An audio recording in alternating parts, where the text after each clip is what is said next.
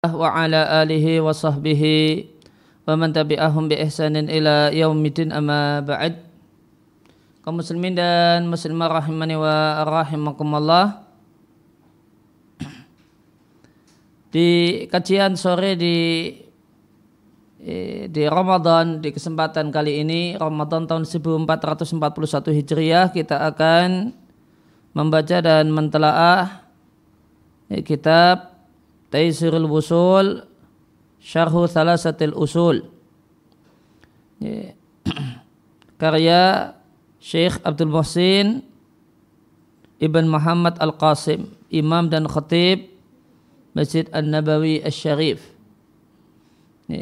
Dan buku ini adalah penjelasan untuk ya, Thalasatil Usul Tiga hal yang pokok dalam agama kita Karena tiga hal inilah yang merupakan tiga hal yang ditanyakan oleh malaikat di alam kubur yaitu tentang ya, tentang Allah, tentang Rasul dan tentang Islam.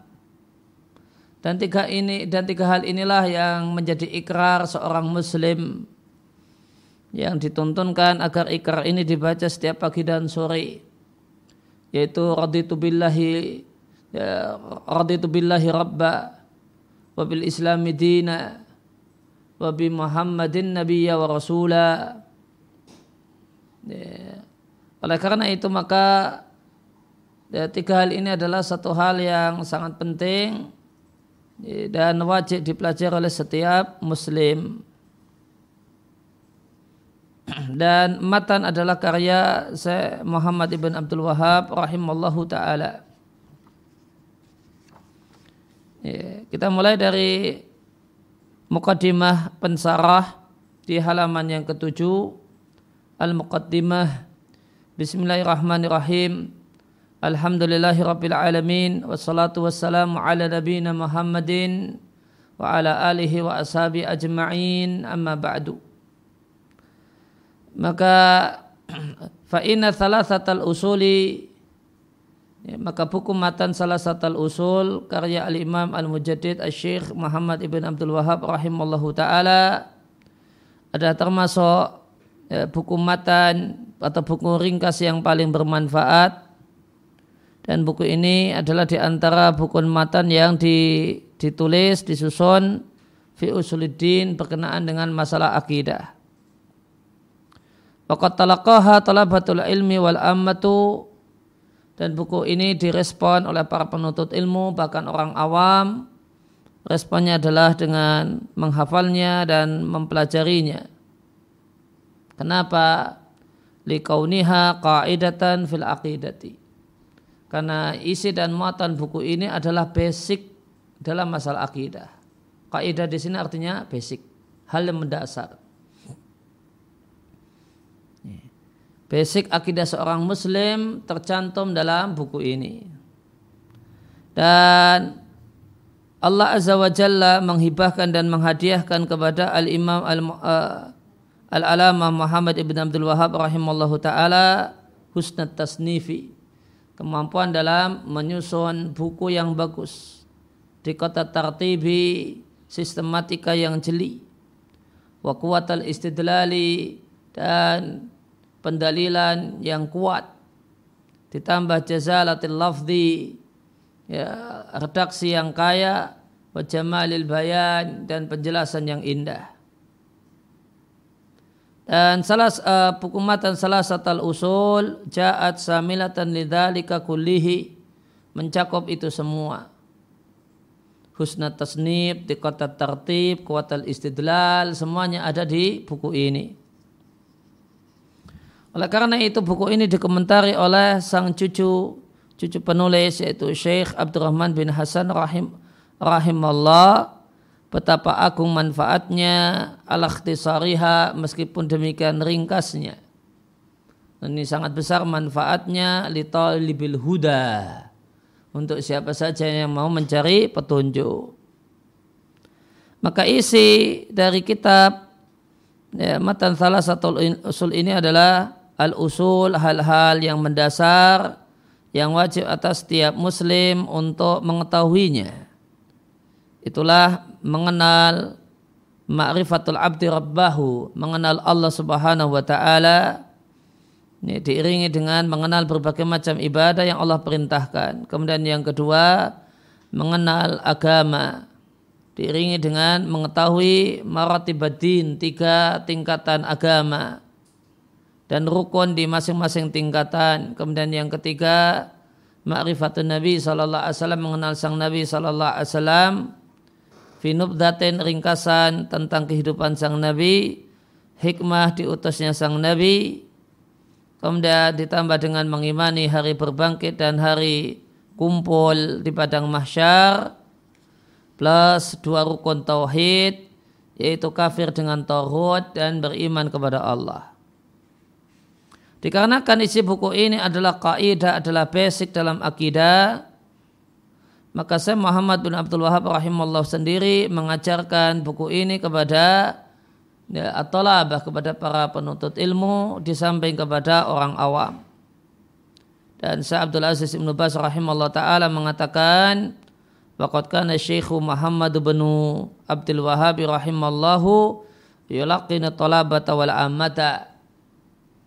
Kata Syekh Abdul Aziz Ibn Baz adalah Syekh penulis Muhammad Ibn Abdul Wahhab rahimallahu taala mengajarkan kepada para penuntut ilmu dan orang awam hadhihi al-usula tiga hal ini. Ya, beliau menginginkan agar mereka semua mempelajarinya dan menghafalkannya supaya isi kandungan buku ini terpatri dalam hati likauni haqaidatan fil aqidah.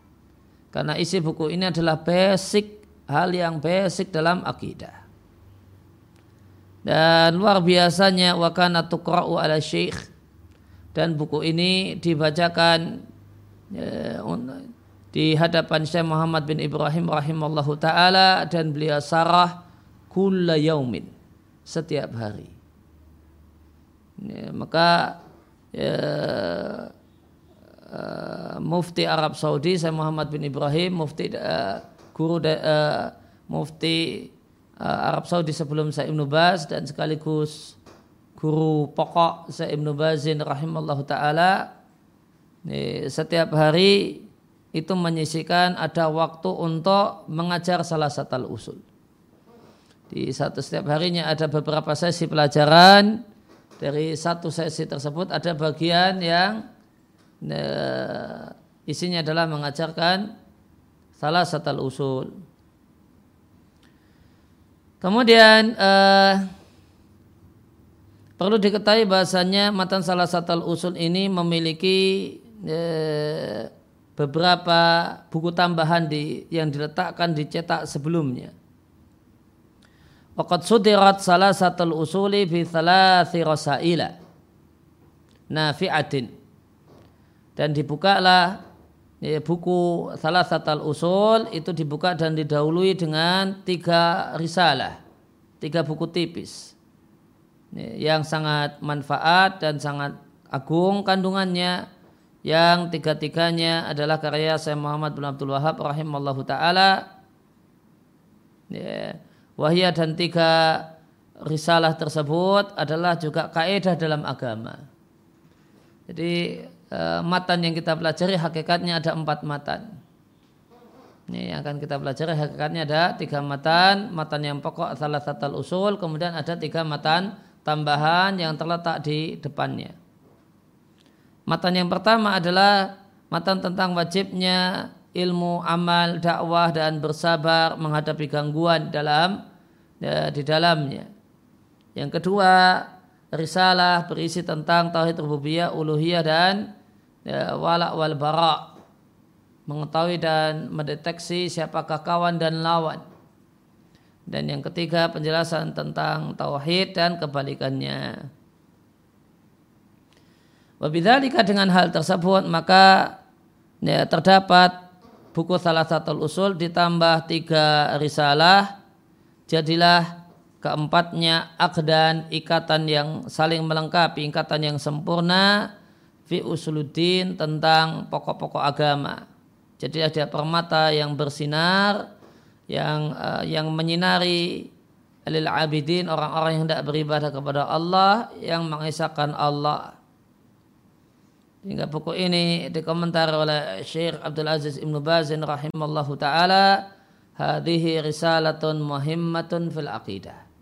Ini adalah buku yang penting berkenaan dengan akidah.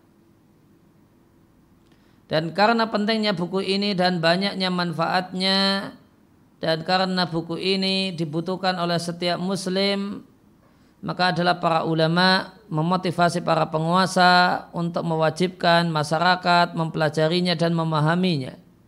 Sa'ad Abdurrahman ibn Hasan rahimahullah ta'ala mengatakan, Yalzam al-amiru wajib bagi penguasa untuk memerintahkan semua mudarisin, semua pengajar, semua da'i dan semua imam masjid bil hudur untuk menghadiri orang yang mengajarkan agama pada mereka dan mewajibkan kepada mereka untuk mengumpulkan untuk membaca dalam buku yang dikumpulkan oleh guru kami rahimallahu taala. Yang pertama kitab tauhid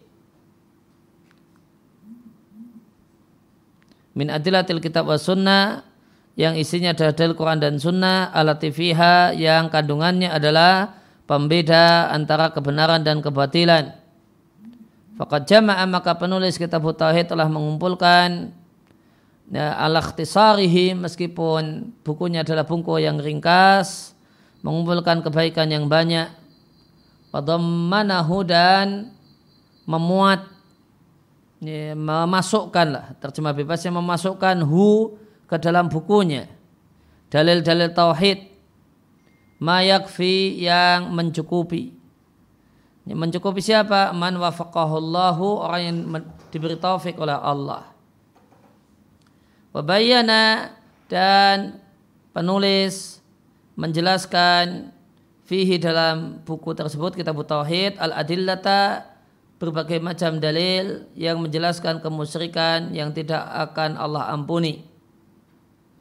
Demikian juga hendaklah penguasa mewajibkan mereka soal al-ammah untuk mengecek orang-orang awam an usuluddin ats-tsalatsah bi adillatiha. Apakah mereka orang-orang awam sudah paham dan mengerti tentang usuluddin ats-tsalatsah. Tiga pokok agama. Bi adillatiha dengan dalilnya itu kitab salah satu usul ditambah arba'i qawaid kitab qawaidul arba'. Ya, maka disampaikan di sini pentingnya tiga kitab, ya kitab tauhid, salah satu usul dan qaidul arba. Dan adalah saya Muhammad bin Ibrahim rahimallahu taala menulis surat ditujukan pada para imam masjid. Beliau perintahkan para imam masjid untuk mengajarkan pada jamaah masjidnya, jamaah masjidnya masing-masing. Kitab salah satu usul. Adalah imam masjid yang merupakan penanggung jawab kalau di Arab Saudi imam masjid adalah penanggung jawab kajian di masjid tersebut. Ya, wajib mengadakan eh, pengajian harian ya, yas'aluhum anha yang berisi mengecek pemahaman jamaah masjid anha tentang salah satu usul. Saya Muhammad bin Ibrahim rahimahullah taala mengatakan Wa kadzalika alaikum. Demikian kewajiban kalian para imam masjid mengajari jamaah masjid perkara agama. Setelah diajari, ditanyakan, dicek tentang apa yang diajarkan. Semisal contohnya di mukhtasar salah satu usul. Fayata ayam menjadi sebuah keniscayaan atas setiap imam masjid ya, iblak menyampaikan kepada jamaahnya bidalika tiga hal ini. Hal itu yaitu mukhtasar salah satu usul dan mengadakan lahum untuk jamaah masjid majlisan yaumian jadwal rutin harian yang menanyakan menanyai mereka fihi di majelis tersebut tentang masalah agama mereka dan mengajarkan kepada jamaah masjid mayar fa'alihim minha. Hal-hal yang belum mereka ketahui tentang pokok-pokok agama tersebut. Kemudian karena pentingnya hadir risalah yaitu risalah salah satu usul dan lebarnya manfaatnya maka khususun kuletakkan baginya sarhan sarah yang kunamai taisiril wusul ya, jalan mudah untuk sampai untuk bisa sampai dan sampai sampai di sini adalah memahami salah satu usul. Muadihan menjelaskan makna kandungannya, mudhiran menampakkan mabaniha isinya dengan mustasyidan berda, uh, mustasyidan berdalil dengan perkataan uh, salafu hadil ummah generasi pendahulu dari umat ini wa muhaqqiqiha dan uh, ulama yang yang memiliki kemampuan di rata-rata di atas rata-ratanya para ulama semacam Syekhul Islam Taimiyah dan muridnya Ibnu Al-Qayyim rahimahumullahu taala. As'alullah aku mohon pada Allah azza wa jalla akan memberikan manfaat dengan sarah ini dan menjadikannya sebagai simpanan kami di akhirat. Semoga Allah memberikan sanjungan kepada nabi kita Muhammadin demikian juga keluarganya sahabatnya ajma'in seluruhnya Dr. Abdul Muhsin Ibn Muhammad Ibn Abdurrahman Ibn Qasim Imam Khatib Masjid Nabawi Qadi Hakim di Mahkamah Ammah di Madinah An-Nabawiyah ya, kemudian kita masuk pada ya, isi buku dimulai dari halaman ke-10 ya.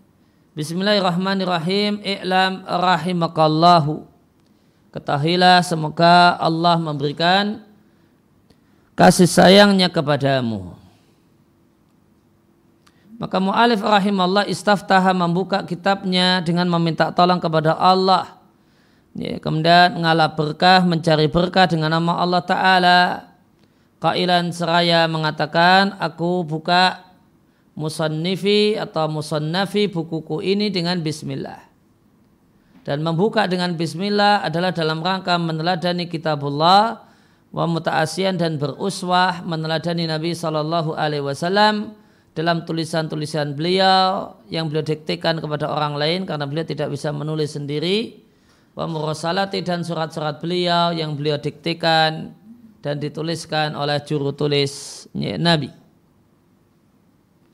Uh, Bismillah kemudian kata-kata Allah lafaz jalalah Allah Walafdul jalalah Allah. Di sini kita jumpai bolehnya menyebut Allah dengan kata-kata lafdul jalalah. Adalah alamun nama untuk al-bari sang pencipta Jalla wa'ala.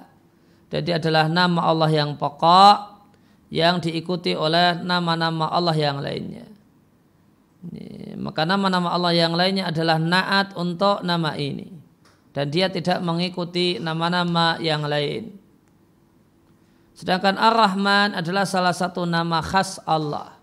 Mukhtassa. Khas Allah. La tutlaq.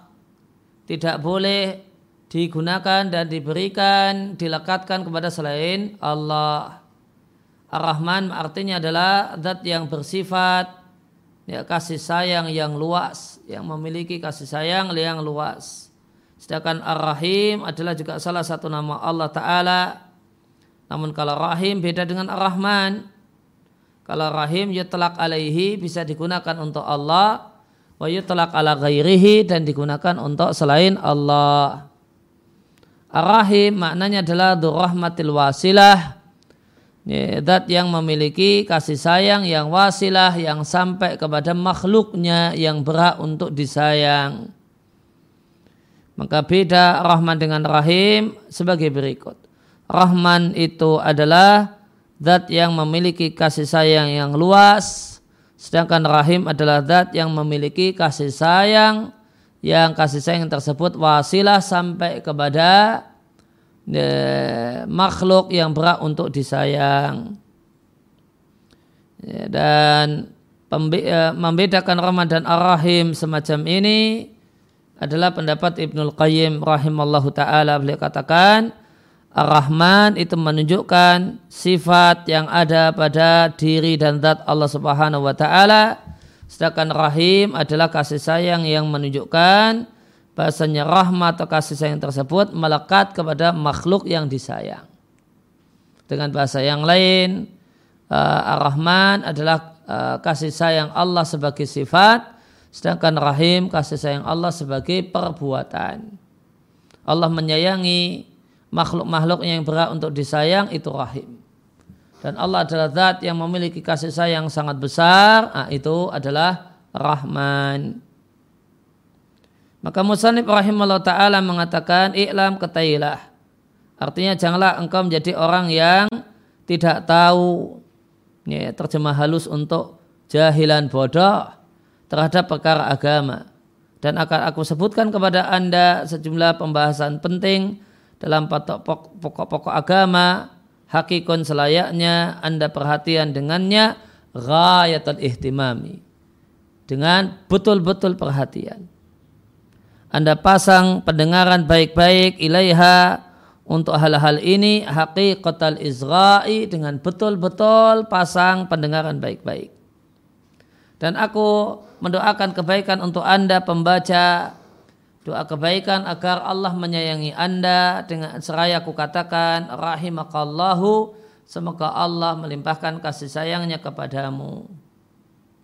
Dan jika doa itu cuma uh, doa rahmah saja maka maknanya sebagai berikut. Aku mohon pada Allah agar Allah turunkan kepadamu kasih sayangnya yang dengannya engkau akan mendapatkan apa yang engkau cari dan selamat dari apa yang engkau waspadai. Maka kalau doa itu cuma memintakan rahmah saja mengandung dua hal. Rahmah itu akan mengandung dua hal. Terwujudnya apa yang dicari dan diinginkan. Selamat dan bebas dari apa yang ditakutkan dan dikhawatirkan. Lain halnya kalau ya, rahimah digandeng dengan ghafara. Ya, misalnya rahimakallah wa ghafara. Ya, rahimakallah wa ghafara wa ghafaraka. Ya, maka ya, makna rahimah adalah kasih sayang Allah yang akan menyebabkan terwujudnya apa yang diharapkan. Sedangkan marfirah itu artinya selamat dari apa yang dikhawatirkan dan ditakutkan. Wahada dan ini adalah da'abu kebiasaan an-nasi orang yang memberikan nasihat yang mendoa, yang mengajak anda kepada hidayah maka dia mendoakan kebaikan untuk anda maka orang yang nasih orang yang memberikan betul-betul tulus memberikan nasihat itu memadukan dua hal mengajari dan mendoakan.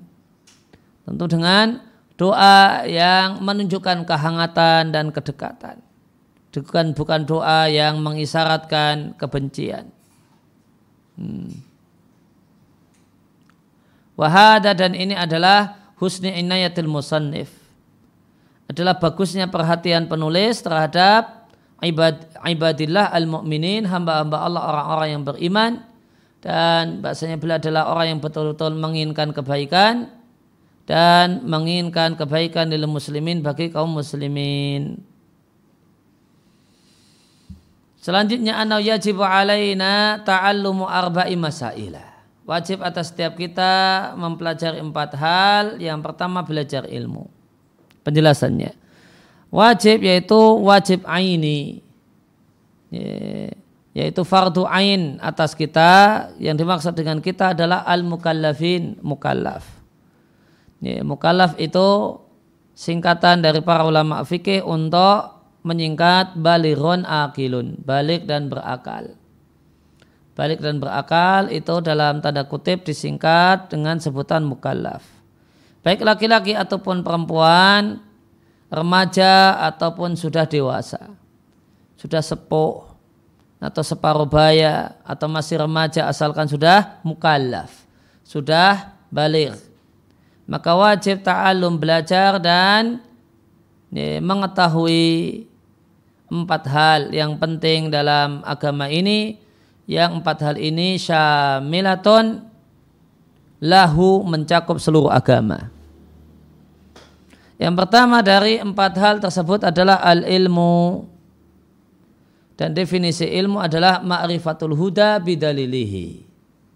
Mengetahui petunjuk dengan dalilnya. Ini. uh, dan namun perlu diingat bahasanya untuk orang awam yang betul-betul awam dalil itu adalah ya, ucapan kiai dan ustadznya. Ucapan mufti itu dalilnya. Dan ilmu ini mencakup mengenal Allah, mengenal Nabi, dan mengenal agama Islam. Wa khasa al-musannib dan musannib rahimahullah ta'ala mengkhususkan tiga hal ini. Mengenal Allah, mengenal Nabi, dan mengenal dinul Islam. Karena tiga hal ini adalah pokok Islam, tidak tegak Islam kecuali dengan tiga hal ini. Dan tiga hal inilah yang ditanyakan kepada seorang hamba di alam kuburnya. Demikian juga tiga hal ini adalah tiga hal yang semestinya diikrarkan oleh setiap muslim dalam ya, yang Nabi ajarkan untuk dibaca setiap pagi dan petang. Raditu billahi rabba wa bil islami dina wa bi Muhammadin rasula. Wa bi Muhammadin sallallahu alaihi wasallam rasula.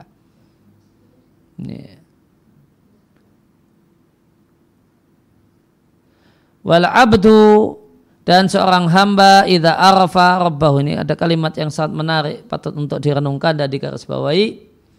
Wal abdu idza arafa rabbahu wa arafa nabiyahu sallallahu alaihi wasallam wa arafa dinal islami bil adillati kamulalahu dinuhu kamulalahu dinuhu kamulalahu dinuhu seorang hamba jika telah mengetahui tiga hal ini mengenal Tuhannya mengenal nabinya mengenal Islam dengan dalil dan dalil itu sebatas ya, kemampuan ya, dan apa itu dalil nanti apa itu bentuk dalil ya, berdasarkan kemampuan orang itu masing-masing. Maka siapa yang telah mengenal hal ini dan tidak mengenal hal yang lainnya maka itu tidak masalah. Kenapa kamu lalahu dinuhu telah sempurna agamanya. Ini sempurna agamanya. Yang eh, kenal tiga hal ini tidak kenal yang lainnya itu sudah sempurna agamanya. Ini. Maka ketika seorang muslim kenal dengan baik tiga poin ini, kemudian tidak kenal yang lainnya, ya, tidak kenal keributan-keributan yang lain, ya, yang disebut dengan dunia persilatan, ya, Eh, komentar A terhadap si B, komentar B terhadap A, komentar ini terhadap uh, si B, si C, si D, tidak kenal itu semua. Namun dia kenal dengan baik tiga hal ini. Maka kamu lahu dinuhu. Telah sempurna agamanya. Sebaliknya orang yang kenal dunia keributan tentang si A, si B, si C dan seterusnya non tidak kenal dengan baik hal ini maka masih problem agamanya. Oleh karena itu maka seorang dai yang baik maka dia akan e, menggiring anak didiknya santri-santrinya untuk e, semangat belajar hal ini e, semangat untuk tahu dan kenal tiga hal ini dan tidak menggiring dan menjadikan prioritas dan orientasi dalam pengajarannya terhadap murid-muridnya untuk mengenal ya, keributan ini dan itu. Ya, maka kamu lalahu dinuhu itu perlu dicamkan baik-baik. Ya, yang orang yang kamu lalahu dinuhu adalah orang yang belajar dengan baik, gambarannya, praktisnya belajar dengan baik, menguasai dengan sempurna kandungan dari salah satu usul. Itu yang kamu ladinuhu, meskipun nggak tahu yang lainnya. Kenapa? Karena di antara jawabannya, kenapa demikian? Karena di salah satu usul ini ada ya, lima rukun Islam, enam rukun iman, ya, dan hal-hal basic lainnya. Dan orang itu orang itu uh, baik agamanya selamat dengan mengetahui hal tersebut dan mengamalkannya.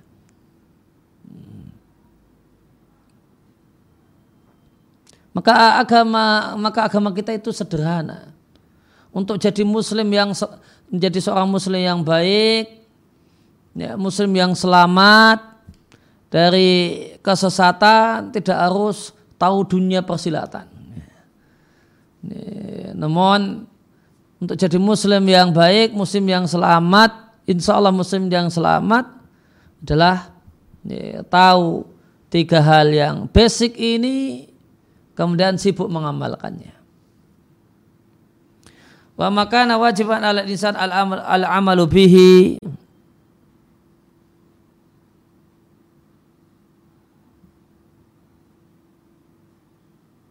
Dan semua yang wajib atas seorang untuk diamalkan semacam usulul iman, usulul iman nama lain dari arkanul iman.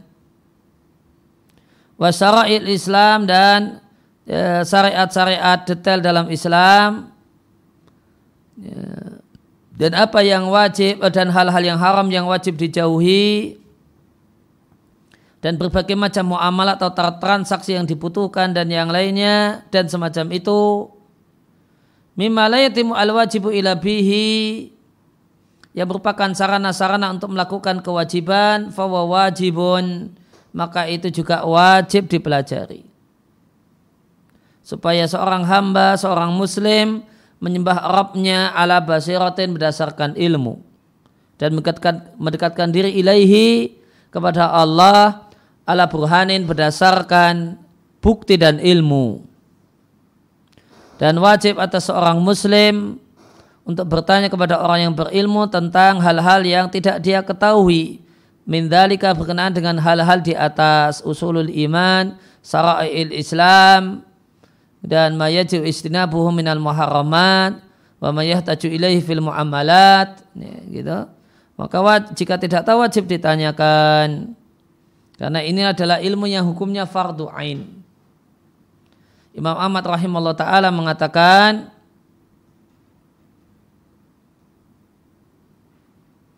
ya, wajib ayat luba minal ilmi seorang muslim wajib mempelajari ilmu agama yakumu bihi dinuhu yang menyebabkan tegaknya agamanya. Ini ilmu yang fardu ain kata Imam Ahmad. Ilmu pengetahuan tentang hal-hal yang menyebabkan tegak lurus dan beresnya agama seseorang. Ditanyakan pada Imam Ahmad, mislu aisya'in, contohnya apa? Ilmu yang menegakkan agama. Kata Imam Ahmad, Allah la yasa'uhu jahluhu. Semua ilmu yang tidak boleh seorang muslim itu tidak tahu.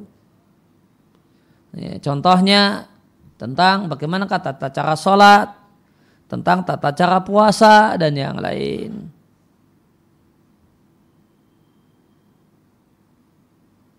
Ya, maka di paragraf ini disampaikan tentang ya, ilmu yang hukumnya fardu ain atas setiap muslim untuk dipelajari.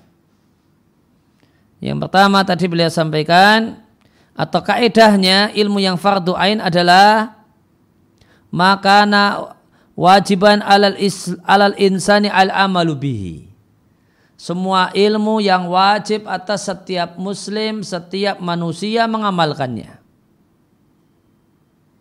Kemudian yang kedua, malayatimul wajibu ila bihi. Dan ilmu-ilmu menjadi sarana untuk melakukan kewajiban di atas. Nah, maka itu ilmu yang ya, ya, ilmu yang hukumnya fardu ain untuk dipelajari itu uh, ringkasan pokoknya berdasarkan paragraf yang tadi kita baca ada dua poin. Pertama semua yang seorang itu wajib untuk ya, wajib untuk diamalkan dipraktekkan oleh seorang muslim. Kemudian ilmu tentang hal-hal yang layatimul wajibu ila bihi. Sarana untuk bisa melakukan kewajiban. Melakukan hal yang wajib. Bahwa wajib maka itu juga wajib dipelajari. Ya. Ya, gambarannya wajib atas seorang muslim untuk sholat. Maka berilmu tentang sholat itu fardu ain. Dan seorang itu tidak bisa sholat dengan baik kecuali baca Al-Fatihah. Karena itu rukun dalam sholat. Maka belajar dan tahsin Al-Fatihah ya, hukumnya fardu ain. Kenapa tahsin al-fatihah itu hukumnya fardu ain? Karena dia adalah malayatimul wajibu ila bihi. Kegiatan melaksanakan hal yang wajib yaitu sholat tidak akan berjalan kecuali dengan belajar dibimbing belajar kepada guru talaki al-fatihah. Maka talaki al-fatihah jadi wajib.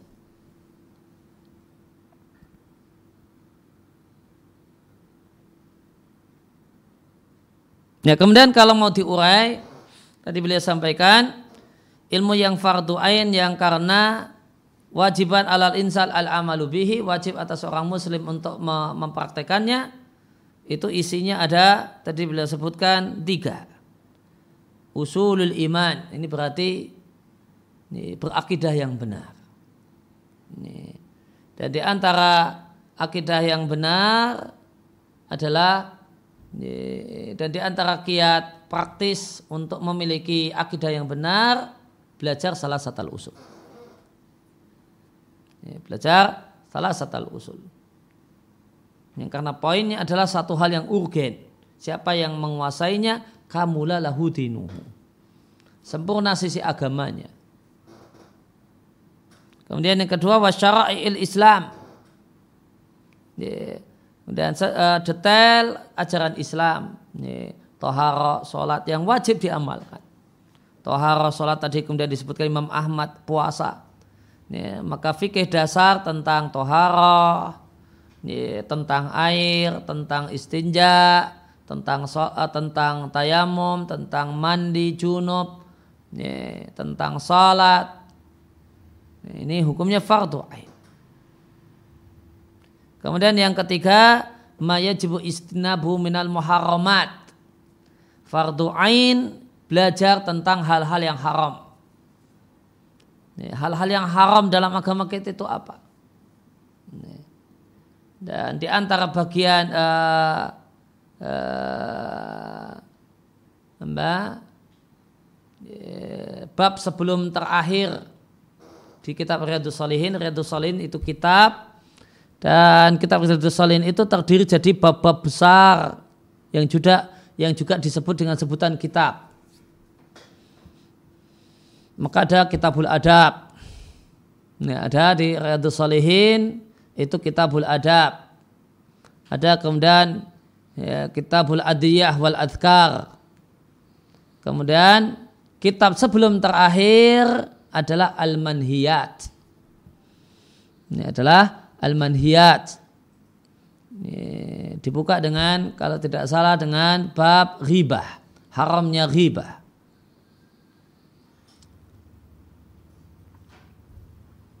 Ya, maka uh, semacam ini kata beliau fardu ain untuk dipelajari. Dan sejenis dengan al-muharramat atau bagian dari al-muharramat adalah al-kabair. Ini maka belajar, maka seorang muslim belajar tentang dosa-dosa besar itu apa saja secara khusus, kemudian hal-hal yang haram dalam agama ini itu apa saja. Nah, ini satu hal yang urgen untuk dipelajari. Ini termasuk fardu ain, ilmu yang fardu ain.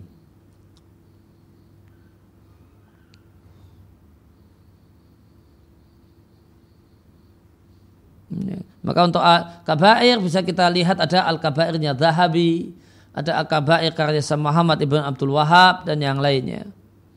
Untuk manhiat secara umum bisa uh, kita lihat kitabu uh, Nawahi atau Al-Manhiyat di Riyadus Salihin.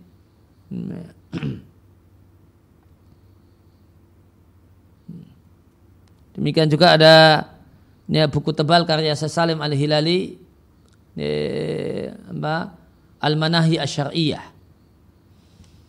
Mungkin di antara referensi yang uh, penting berkenaan dengan uh, ilmu fardu ain tentang al-muharramat yang wajib diketahui, yang wajib untuk diilmui, untuk dijauhi. Tadi ya, usulul iman, akidah yang benar, syara'il Islam, ya, apa, ibadah harian. Ini dasar-dasar ibadah harian. Kemudian Al-muharramat, belajar tentang apa saja yang haram.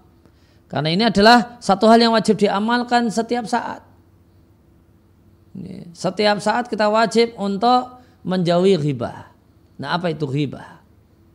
Ini ilmunya fardu ain. Wajib kita belajar untuk uh, setiap hari kita wajib untuk ya, menjauhi dusta. Nah apa itu dusta? Hmm, fiksi itu dusta ataukah tidak? Nah ini perlu dipelajari. Ya, kemudian yang keempat, mayahtaju ilaihi fil muamalat. Ya, transaksi-transaksi harian. Ya, jual beli barang, jual beli jasa alias sewa menyewa. Ini ilmu yang fardu ain. Ini bagian empat hal ini bagian dari maka nawajiban alal insan al amalu bihi. Dan ada ilmu yang fardu ain dalam bab wasail. Mala yatimul wajibu ila bi fawa wajib. Jadi saya contohkan ya, belajar tahsin al-fatihah. Talaki al-fatihah. Nah, lebih dari itu ilmu yang lebih dari itu itu ilmu yang fardu kifayah. Wa amal qadru az-zaid. Adapun kadar yang lebih dari apa yang mayahtaju ilai al-muayyan yang dibutuhkan oleh person. Ya, kadar lebih dari apa yang dibutuhkan oleh person itu min furudul kifayat, ilmu agama yang statusnya fardu kifayah. Kata alimul mawaris semacam uh, belajar faraid, kemudian tata cara memandikan jenazah, Faidah koma biman yakfi. Jika ilmu-ilmu ini sudah di, dipelajari oleh man yakfi orang dalam kadar yang cukup untuk kebutuhan di masyarakat sakotal ismu anil baqin. Maka gugurlah dosa dari yang lain. Kalau di kajian tadi pagi di budur toliah ilmu yang hukumnya fardu kifayah adalah yang lebih dari fardu ain sampai derajat fatwa.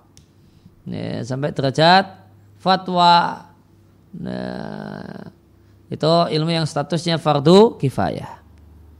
Dan ilmu yang fardu kifayah itu tidak hanya sekedar dilaksanakan oleh sebagian orang gugur dosa dari yang lain tidak. Namun perhatikan man yakfi kadar yang cukup. Hmm. Bukan hanya sebagian namun kadar yang cukup. Kalau satu belum cukup, ya masih perlu yang kedua dan seterusnya sampai kadar yang cukup. Ya, kembali ke matan dan ilmu yang wajib dipelajari adalah wa ma'rifatullahi wa ma'rifatu nabiyhi wa ma'rifatu dinil islami bil adillati. Ya, dan ilmu yang wajib dipelajari adalah mengenal Allah, kenal nabinya, kenal agama Islam dengan dalil penjelasannya. Maka ilmu yang wajib atas kita untuk kita pelajari adalah mengenal Allah. Yang dimaksud dengan mengenal Allah adalah seorang hamba, seorang muslim mengenal Rabbnya. Caranya bima wasofa bi nafsahu. Berdasarkan sifat-sifat yang Allah tetapkan untuk dirinya dalam kitabnya dalam Al-Quran dan melalui sifat-sifat yang diceritakan oleh Rasulnya tentu dalam hadis dan Allah dan Rasulnya menceritakan nama, sifat dan perbuatan-perbuatan Allah. Dan mengenal Allah adalah ahadu muhimmatiddin di antara hal yang penting dalam agama. Karena tidak mengenal Allah Subhanahu wa taala adalah minat tafrid di antara contoh kecobro, kecerobohan dalam masalah agama. Ibnu Qayyim rahimallahu taala mengatakan waqad dammallahu taala malam yu'azzimhu haqqa azamatih. Sungguh Allah telah mencela orang yang tidak memuliakan Allah dengan sebetul sebenar-benar pemuliaan. Wala arafahu haqqa ma'rifatih. Dan tidak mengenal Allah dengan ya, dengan benar. Wala wasofahu haqqa sifatih. Dan tidak mensifati Allah sebagai dengan sifat yang benar. Maka seorang itu tidaklah mungkin ala dinil haqi berada dalam agama yang benar kecuali dengan mengenal Rabbnya. Oleh karena itu asas dakwah para Rasul alaihi wassalatu wassalam adalah mengenal Allah. Dan cara mengenal Allah adalah melalui nama, sifat dan perbuatan Allah. Ibnul Qayyim rahimahullah taala mengatakan miftahu da'watil ilahiyah. Ini kunci dakwah ini ketuhanan adalah ma'rifatul Rabbi ta'ala adalah mengenal Allah ta'ala. Waman salaka dan siapa yang menempuh jalan yang mengantarkan pada Allah Ta'ala, salahkan dia akan menempuh jalan untuk mengenal Allah wa ala qadr dan berbanding lurus dengan kadar pengetahuan kepada Allah pengagungan kepada Allah di dalam hati. Semakin kenal Allah maka semakin besar pengagungannya. Semakin minim kenal Allah semakin minim pengagungannya. Dan waman arafallaha ahabbahu. Siapa yang betul-betul kenal Allah maka dia akan cinta dengan Allah. Ibnu Qayyim rahimahullah taala mengatakan man arafallaha bi asma'ihi wa sifatihi wa af'alihi. Siapa yang mengenal Allah dengan nama, sifat dan perbuatannya, ahabba la mahalata, pasti mencintainya. Dan mengenal Allah kemudian dilanjutkan dengan mengisahkan Allah dalam ibadah adalah sebab bahagia atau sebab beruntung di dunia dan di akhirat. Syekhul Islam Taimiyah rahimallahu taala mengatakan Al-ladatu wal farhatu keledatan, kegembiraan, wasurur dan kesenangan wa tibul wakti itu mungkin nyamannya tibun nafsi sebenarnya. Eh, tapi tertulisnya tibul wakti mungkin tibun nafsi dan happy-nya jiwa. Wan na'im dan kenikmatan. Alladzi la yumkinu ta'biru anha yang tidak bisa diungkapkan nah, terjemah bebasnya kata-kata habis untuk ini, tidak ada kata-kata yang bisa mengungkapkan kegembiraan tersebut kenikmatan tersebut innama huwa fi ma'rifatillahi subhanahu wa ta'ala itu terdapat dengan mengenal Allah, mengesahkan Allah dan beriman kepada Allah Subhanahu wa taala. Ya. Ya, maka mari kita cek diri kita masing-masing ya. Ya, setelah dalam keadaan kita mengimani Allah, mengenal Allah, mengesahkan Allah, apakah kita telah merasakan buah itu semua? Seberapa besar kita merasakannya? Ya. Kata beliau, ya keledatan ya, gembira rasa senang hati yang happy an-naim. Dan rasa nikmat. Yang tidak mungkin terungkapkan. Itu artinya nikmat yang luar biasa. Innama ingat innama hanya. Tidak ada pada yang lainnya. Hanya di sini. Innama wa fi ma'rifatillah. Hanya pada mengenal Allah, mengisahkan Allah dan beriman kepada Allah. Kemudian dan ilmu yang wajib atas mukallaf untuk mem, uh, untuk mengkajinya adalah ma'rifatun nabiyihi mengenal nabinya Muhammad sallallahu alaihi wasallam. Fa inna makasnya nabi itu adalah wasitah perantara antara kita dengan Allah. Ingat fitabliri risalatillahi dalam menyampaikan tugas-tugas kerasulan. Dan mengenal Nabi tastalzim berkonsekuensi menerima dan mematuhi atau melaksanakan maja abihi, ajaran Nabi. Apa yang Nabi bawa dari Allah. Yang Nabi bawa adalah ada dua, minal huda wa dinil haq. Hidayah dan dinil haq. Maka ajaran Nabi itu ada uh, dua ada dua hal yang pokok. Sebagaimana firman Allah Ta'ala, Huwaladhi arsala rasulahu bil huda wa dinil haq. Dialah Allah zat yang mengutus nabinya Muhammad sallallahu alaihi wasallam dengan membawa dua hal. Bil huda dengan membawa al huda, membawa hidayah.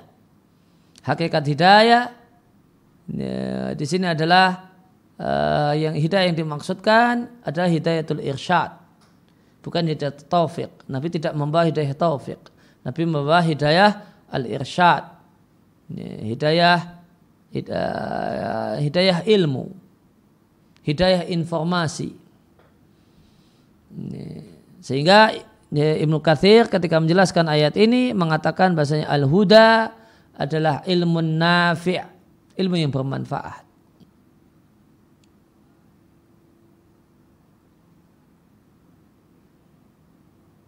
Dinil haq kemudian dinil haq.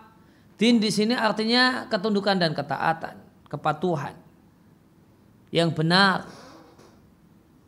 Nah, dan kepatuhan yang benar itu adalah amalun saleh. Sebagaimana tafsir Ibnu Katsir untuk ayat di atas.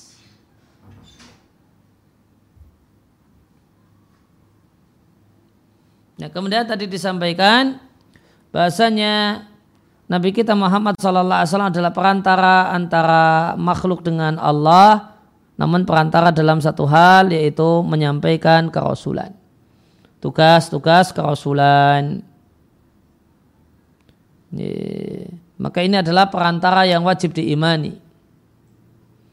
Maka perantara uh, status Rasul sebagai perantara itu ada dua ada perantara yang wajib diimani dan ada perantara yang wajib dikafiri dan diingkari. Perantara yang wajib diimani adalah perantara dalam menyampaikan wahyu. menyampaikan ajaran Allah Subhanahu wa taala. Nabi adalah satu-satunya manusia yang jadi perantara kita untuk mengenal ya, syariat Allah Subhanahu wa taala. Maka dusta orang-orang yang mengatakan hadasani qalbi an rabbihi. Ini hatiku menceritakan dari Tuhannya tanpa perantara. Tanpa perantaraan Rasul itu dusta. Untuk mengenal ibadah yang Allah inginkan, syariat yang Allah ajarkan harus melalui perantaraan sang Rasul alaihi salatu wassalamu. Kemudian yang kedua perantaraan yang wajib diingkari yaitu perantaraan dalam ibadah dan doa. Nih. Maka kalau kita ibadah langsung kepada Allah Subhanahu wa taala tidak boleh ibadah kepada Rasul dengan tujuan itu adalah untuk menyembah Allah Subhanahu wa taala. Doanya minta langsung kepada Allah. Tidak boleh doa kepada Rasul. Wahai Rasul, beri aku demikian, demikian, demikian. Meskipun niatnya adalah supaya Rasul menyampaikan doa kita kepada Allah. Kemudian lanjutnya, wajib atas mukallaf mengenal agama Islam dengan dalil dari Quran dan Sunnah. Karena dia adalah agama yang Allah memerintahkan makhluk untuk menyembah Allah dengannya. Wa ma'rifatuhu dan mengenal Islam, namun tidak cukup dengan mengenal. Wal amalu bihi dan mengamalkan Islam adalah sebab masuk surga wal jahlu bihi kebodohan terhadap Islam kebodohan terhadap Islam itu tidak menyelamatkan. Namun beliau katakan perhatikan wal jahlu bihi wa idaatuhu sababu lidukhulin nar.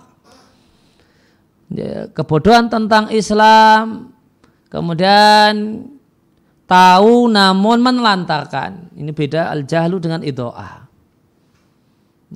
Blank tentang Islam atau idoah. Tahu namun tidak mau mengamalkannya. Sehingga menelantarkannya. Itu sababun didukulin nar sebab masuk neraka.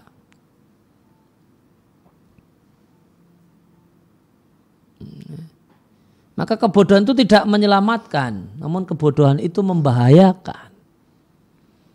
Jika kebodohan tersebut adalah kebodohan terhadap hal-hal yang asasi yang wajib atas setiap orang untuk uh, mencari informasi tentangnya. Ya, maka kebodohan tentang hal-hal hal semacam ini tidak menyelamatkan namun ya, membahayakan. Kalau Ibnu Qayyim rahimahullah taala kamalul insan madaruhu ala aslaini seorang itu disebut sempurna dengan tentu dalam koridor sebagai manusia porosnya ada pada dua hal. Yang pertama adalah di tataran teori. Di tataran teori ma'rifatul hak minal batil. Tahu mana hak dan mana batil. Punya ilmu dulu tentang al-haq dan batil. Hak itu yang mana, batil itu yang mana. Kemudian setelah itu yang kedua di tataran praktek. Itharul hak alal batil. Memilih kebenaran dan mengamalkannya a daripada kebatilan. Ya, maka uh, ma'rifatul hak minal batil artinya ilmu yang benar, isaul hak alal batil artinya amal yang benar. Wa matafawatat manazilul khalqi. Maka level manusia di sisi Allah di dunia dan di akhirat tidaklah bertingkat-tingkat kecuali berbanding lurus dengan bertingkatnya posisi mereka dalam dua hal ini. Maka semakin berilmu, maka semakin tinggi kedudukannya. Semakin luar biasa dalam berilmu dan beramal, maka semakin tinggi kedudukannya.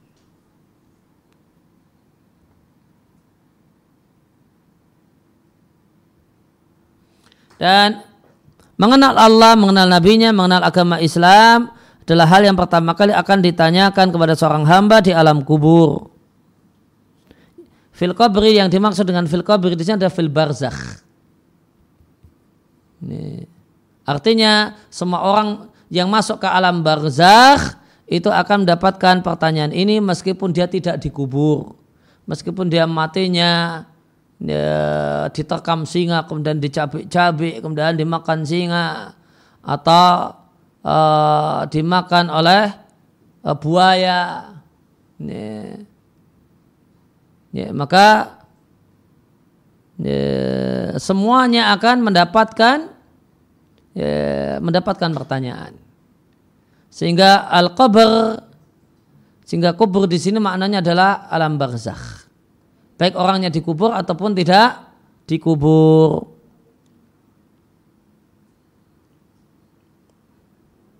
baik orangnya dibakar atau yang lainnya Sedangkan disebutkan di sini fil qabri di sini mimba bil ghalib.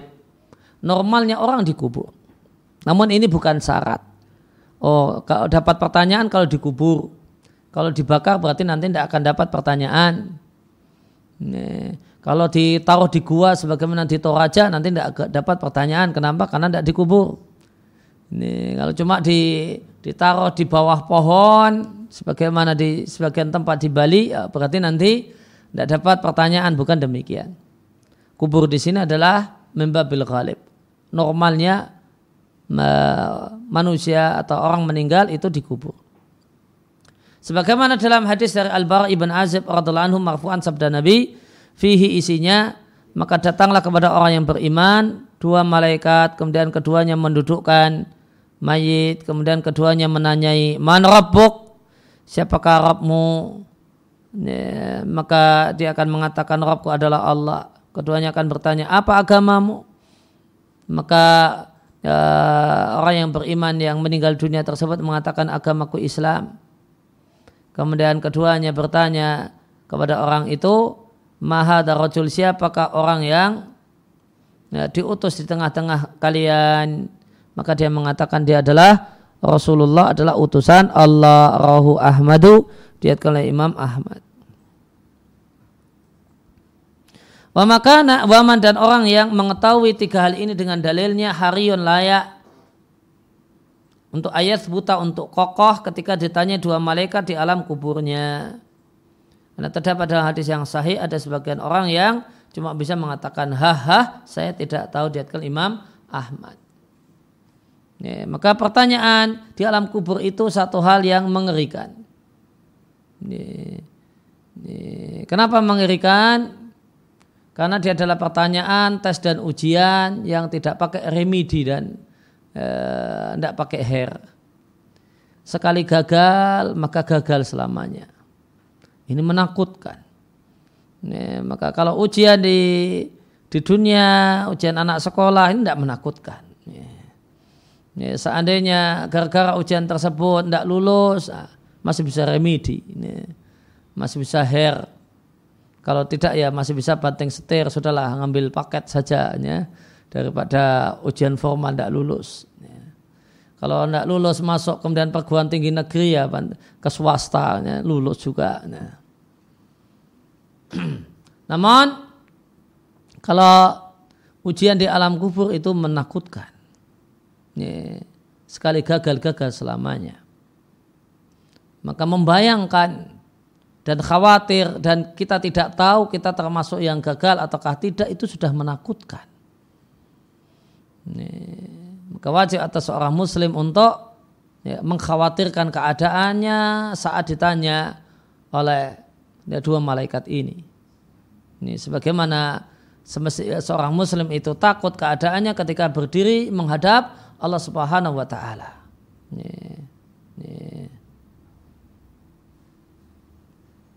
Oleh karena itu ya, dan ini punya rasa takut semacam ini satu hal yang penting. Sebagaimana firman Allah Taala, "Faman khofa maqama rabbihi wa nahan nafsa 'anil hawa, fa innal jannata hiyal ma'wa." Maka siapa yang khawatir ya, ketika dia berdiri menghadap Rabbnya mempertanggungjawabkan amal bisa tidak sukses mempertanggungjawabkan amal maka siapa yang takut punya rasa takut dan khawatir ini maka wanahan nafsa anil hawa. Dia akan mengendalikan jiwanya dari berbagai macam keinginannya yang buruk. Fa innal jannata hiyal ma'wa maka surgalah tempat ya, tinggalnya. Maka sebagaimana seorang itu terpuji ketika dia khaufa maqama rabbih merasa takut ketika dia berdiri di hadapan Rabbnya maka tidak ada demikian juga dia merasa takut ya, ketika dia ya, merasakan malam pertama di alam kubur. Ya. Ya. Maka ketika orang itu malam pertama sebagai pengantin, ah, maka identik dengan gembira. Ya. Namun malam pertama di alam kubur ah, itu wajib dikhawatirkan. Kenapa khawatir? Ya, gagal di ujian ini maka berarti gagal selamanya. Dan ujian di alam kubur itu adalah ujian yang unik, menarik, uh, unik, yeah, tiada duanya. Karena dia adalah ujian dan tes yang sudah bocor soalnya. Bahkan sudah bocor jawabannya. Kunci jawabannya sudah bocor. Pertanyaan sudah bocor, kuncinya juga sudah bocor. Namun meskipun demikian tidak semua orang lulus. Ada orang yang ya, ya, Nabi ceritakan mengatakan haha la adri aku tidak tahu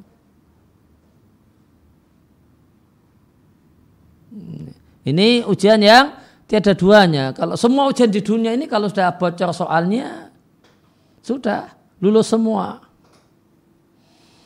Apalagi bocor soal dan bocor kunci jawabannya. Itu sudah ya, lulus semua. Dan ini Nabi di paragraf yang baru saja kita baca, Nabi bocorkan kepada kita soalnya plus kuncinya. Sudah bocor semua ini. Non ternyata ya, ya, bocornya soal dan jawaban itu tidak menjadi jaminan. Orang bisa menjawab dengan baik. Yang ada adalah harapan supaya bisa menjawab dengan baik. Siapa itu orang yang punya harapan bisa menjawab dengan baik? Disampaikan mengenal tiga hal ini dengan dalilnya. Ini, hariyun itulah yang layak dan pantas untuk berharap nanti kokoh saat mendapatkan pertanyaan.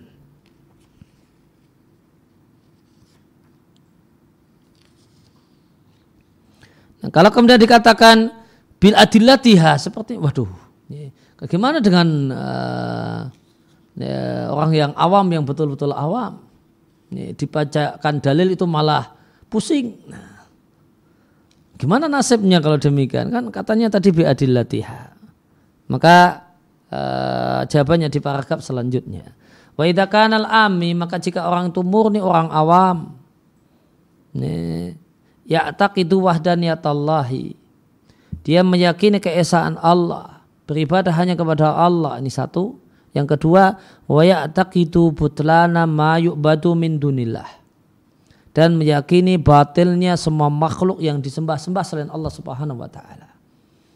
Ini bahasanya seorang yang meyakini kalau orang Islam itu ya nyembah Allah, beribadah kepada Allah, orang Islam itu ya tidak sesajen sama Nyiro Kidul, sama yang baroksa ini dan itu, tidak minta-minta sama orang yang mati, tidak uh, tidak kemudian merendahkan diri kepada pohon yang angker, batu yang wingit dan seterusnya. Dua ini fawa muslimun. Cukup itu sudah untuk jadi seorang muslim.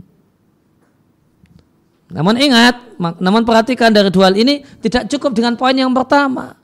Meyakini keesaan Allah, kemudian beribadah kepada Allah. Ya, namun ternyata mengatakan oh agama lain boleh jadi jalan selamat juga. Ya. Maka kalau dia mengatakan saya ya Tuhan saya adalah Allah, saya nyembah Tuhan saya adalah Tuhan yang esa, tidak punya anak, tidak punya sekutu, saya sembah. Namun setelah itu, gimana dengan agama-agama yang lain? Ya boleh jadi juga itu ya, bisa masuk surga. Nah, maka ini bukan Muslim. Karena Muslim itu ya, harus ada apa yang kedua. Wa itu butlana ma yu'badu min dunillahi. Ini sama saja meyakini segala kebatilan semua agama di luar Islam. Semua ritual-ritual ibadah selain ritual ibadah Islam.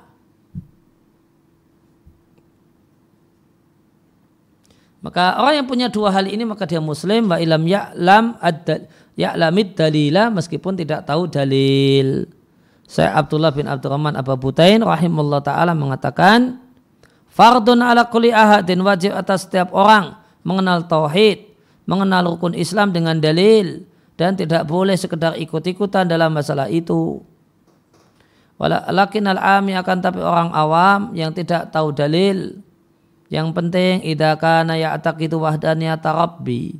Dia mengetahui, dia meyakini. Ya, tidak hanya tahu namun yakin mantap keesaan Allah Subhanahu wa taala dan kerasulan Muhammad sallallahu alaihi wasallam dan mengimani adanya hari berbangkit setelah kematian, mengimani surga dan neraka. Kemudian yang kedua, wa ya'taqidu dan meyakini anna hadil umur asyarkiyata bahasanya sebagai berbagai macam tindakan kemusyrikan yang dilakukan ingda hadil masyahid di sejumlah pekuburan kubur-kubur yang dipuja-puja itu adalah batil dan kesesatan. Maka idakan ya'taqidu dalika maka jika dia meyakini hal tersebut dua poin di atas. Keimanan yang benar dan sikap terhadap kebatilan. Berbagai macam kemusyrikan. Dengan i'tiqad dan jaziman dengan keyakinan yang mantap dan teguh tanpa ragu padanya maka dia muslim. Wa ilam ya, uh, ya tarjam bid dalili meskipun tidak bisa menjelaskan dengan dalil. Tarjama yutarjimu itu makna asalnya bayana yubayinu, menjelaskan. Li'ammatal muslimin karena awamnya kaum muslimin yang betul-betul awam yang bukan pelajar laulukinu dalila fa inum la yafhamuna al makna ghaliban. Seandainya mereka itu ditalkin dalil, dibacakan dan diajari dalil, tidak faham kandungan dalil. Ghalimah demikian umumnya orang awam. Kemudian dan wasa'yu dan e, berupaya bersusah payah untuk mencari ilmu agar mengenal Allah, mengenal nabinya dan mengenal agama adalah min ajalil ibadat ada termasuk ibadah yang paling mulia dan lebih utama daripada ibadah-ibadah sunnah. Seorang ulama tabi'in, Syabuddin Az-Zuhri mengatakan, Ma'ubidallahu bisyai'in afdola minal ilmi. Tidaklah Allah itu disembah dengan satu hal yang lebih istimewa, lebih utama dibandingkan ilmu. Ilmu di sini mencakup belajar ilmu atau mengajarkan ilmu. Imam Ahmad rahimahullah ta'ala mengatakan, Talabul ilmi afdalul a'mali liman sahat niyatuhu. Menuntut ilmu yaitu ilmu agama adalah amal yang paling mulia bagi siapa saja yang benar niatnya. Dan ilmu agama adalah warisan Nabi dan cahaya hati. Orang yang memiliki ilmu agama adalah ahlullahi keluarganya Allah dan rombongannya Allah. Dan orang yang paling dekat dengan manusia yang paling dekat dengan Allah dan yang paling dekat dengan Allah, orang yang paling paling besar rasa takutnya kepada Allah dan orang yang paling tinggi derajatnya di sisi Allah. Maka ilmu, baik belajar ilmu atau kemudian menuntut uh, menuntut ilmu ya, adalah min ajalil a'mal termasuk amal yang paling mulia. Imam Ahmad rahimahullah taala mengatakan al ilmu la ya'diluhu syai' amal berupa ilmu itu tidak tertandingi oleh apa pun yaitu belajar ilmu atau mengajarkan ilmu. Ilmu Qayyim rahimahullah taala mengatakan wahwa dan dia yaitu ilmu agama adalah hayatul kulubi. Sebab hidupnya hati, nyawa nyawanya hati. Sebagaimana badan punya nyawa, maka hati juga punya nyawa, nyawanya adalah ilmu syar'i dan dia adalah cahaya bagi mata hati. Ya, obat bagi ya, ya, penyakit yang ada di dada dan dia adalah tamannya akal. Ya, nikmatnya akal itu jika dipakai untuk memikirkan ilmu. Dia adalah kelezatan jiwa dan dia adalah unsul mustauhishin kenyamanan bagi orang-orang yang merasa kesepian. Dia adalah penunjuk bagi orang yang kebingungan. Dan ilmu agama adalah timbangan, dengan ilmu inilah ditimbang berbagai macam ucapan, perbuatan, dan keadaan. Dengan ilmu Allah dikenal dan disembah, dengan ilmu Allah diingat dan diesakan, dengan ilmu Allah dipuji dan diagungkan. Wabi dengan ilmu ihtada ilahi asalikun maka orang-orang yang menempuh jalan itu ihtada mengetahui petunjuk ilaihi menuju Allah. Wa min tariqihi melalui jalan ilmu sampailah ilahi kepada Allah al-wasilun orang-orang yang sampai. Wa min babihi melalui pintu ilmu dakhala ali al-qasidun. Dakhala masuk alihi menemui Allah al-qasidun orang-orang yang bersengaja menuju Allah. Bihi dengan ilmu dikenalah berbagai macam syariat dan hukum. Dengan ilmu terbedakanlah halal dan haram. Dengan ilmu disambunglah hubungan kekerabatan. Karena menyambung kekerabatan perlu ilmu. Ilmu tentang kerabatnya itu siapa saja. Ilmu tentang wajibnya menyambung hubungan kekerabatan. Ilmu tentang gimana cara menyambung hubungan kekerabatan. Maka ilmu adalah imam, sedangkan amal itu makmum. Dan ilmu itu adalah kaid sang panglima perang. Wal amalu tabi. Sedangkan amal itu pengikutnya. Ilmu itu adalah kawan fil hurbah. Ketika orang itu di tengah rantauan. Wal muhadis dan dia adalah teman ngobrol fil khulwah ketika sendirian. Wal anisu fil wahsyah.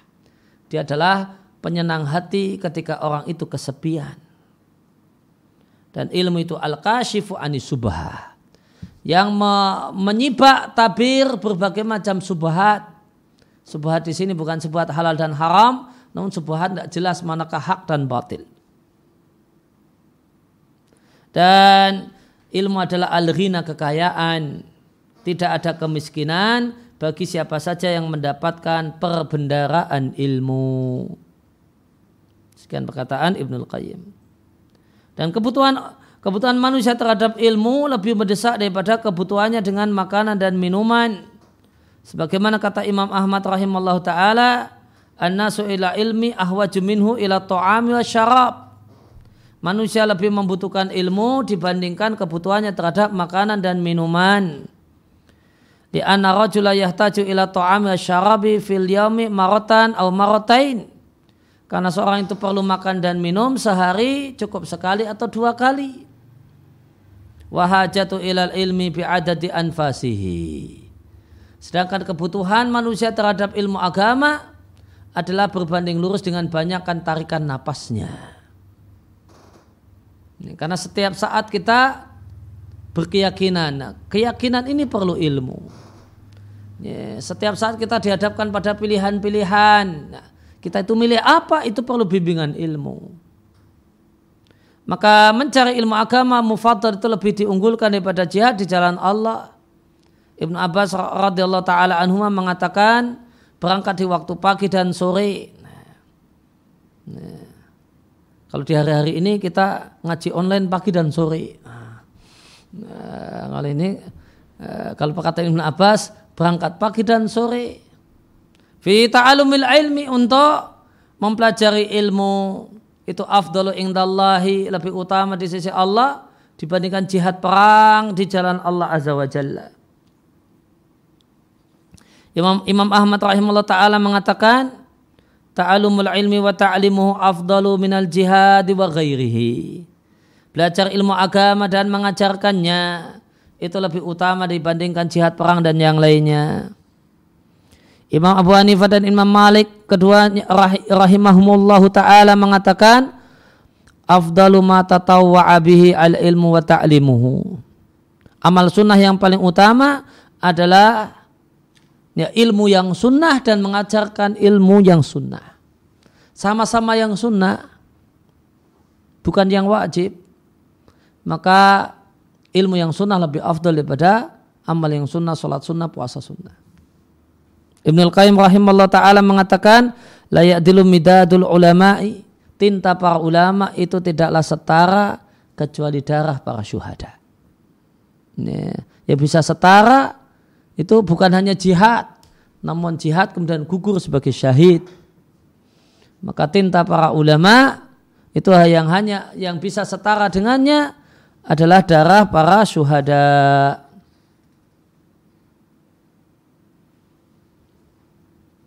Kemudian wal ilmu afdalu ma umirat bi al awqatu. Dan ilmu adalah perkara yang paling utama untuk mengisi waktu. Wa khairu ma unfiq, unfiqat fihil anfasu. Hal yang terbaik napas itu dikeluarkan untuknya. Wa budilat fihi al mahju dan nyawa itu dikorbankan untuknya. Sebagaimana kata An-Nawawi rahimallahu taala, ittafaqat jama'atus salafi. Sekelompok para ulama salaf sepakat Allah annal istighala bil ilmi bahasanya menyibukkan diri dengan ilmu itu afdalu minal istighali bin nawafil salati was saumi wat tasbihi wa nahwi dhalika min a'malil badani. Lebih utama daripada menyibukkan diri dengan salat sunnah, puasa sunnah, tasbih yang hukumnya sunnah dan amal-amal badan yang lain. Ali bin Abi Thalib rahimahullah uh, radhiyallahu taala anhu mengatakan Fa'is bi ilmin wala tabri badala. Hiduplah engkau sampai mati bersama ilmu. Jangan cari ganti untuk temanmu selain ilmu. Anna sumauta wa ahlul ilmi ahya'u. Kenapa? Karena manusia semuanya adalah bangkai wa ahlul ilmi dan orang yang berilmu lah ahyahu orang yang betul-betul hidup normal.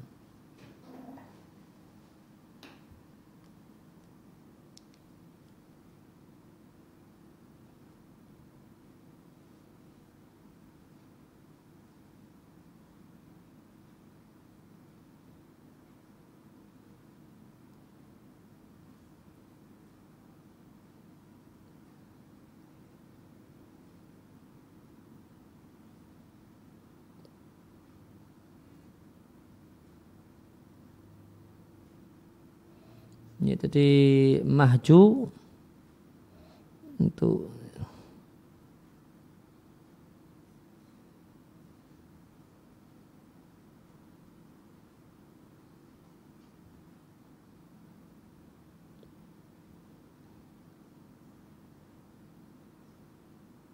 Uh, mufradnya muhjatun nah, jamaknya muhajun. Bacanya muhajun namanya roh atau jiwa atau darah jantung. Ya demikian yang kita baca dan kita kaji kesempatan sore hari ini. Wassalamualaikum warahmatullahi wabarakatuh. Kalau ada dua pertanyaan.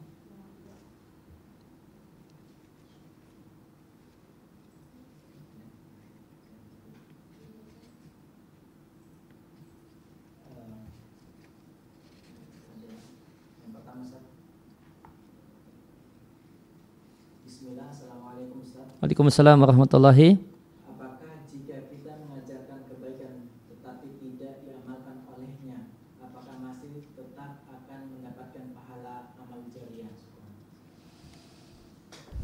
Ya, ada pertanyaan tentang ketika kita mengajarkan kebaikan pada seseorang yang kita ajari tidak mengamalkannya, apakah jadi pahala jariah? Tidak jadi pahala jariah, namun tetap ada pahala mengajar. Karena mengajar itu amal soleh yang berpahala. Dan kalau sampai diamalkan, nah itu jadi uh, pahala jariah. Nah.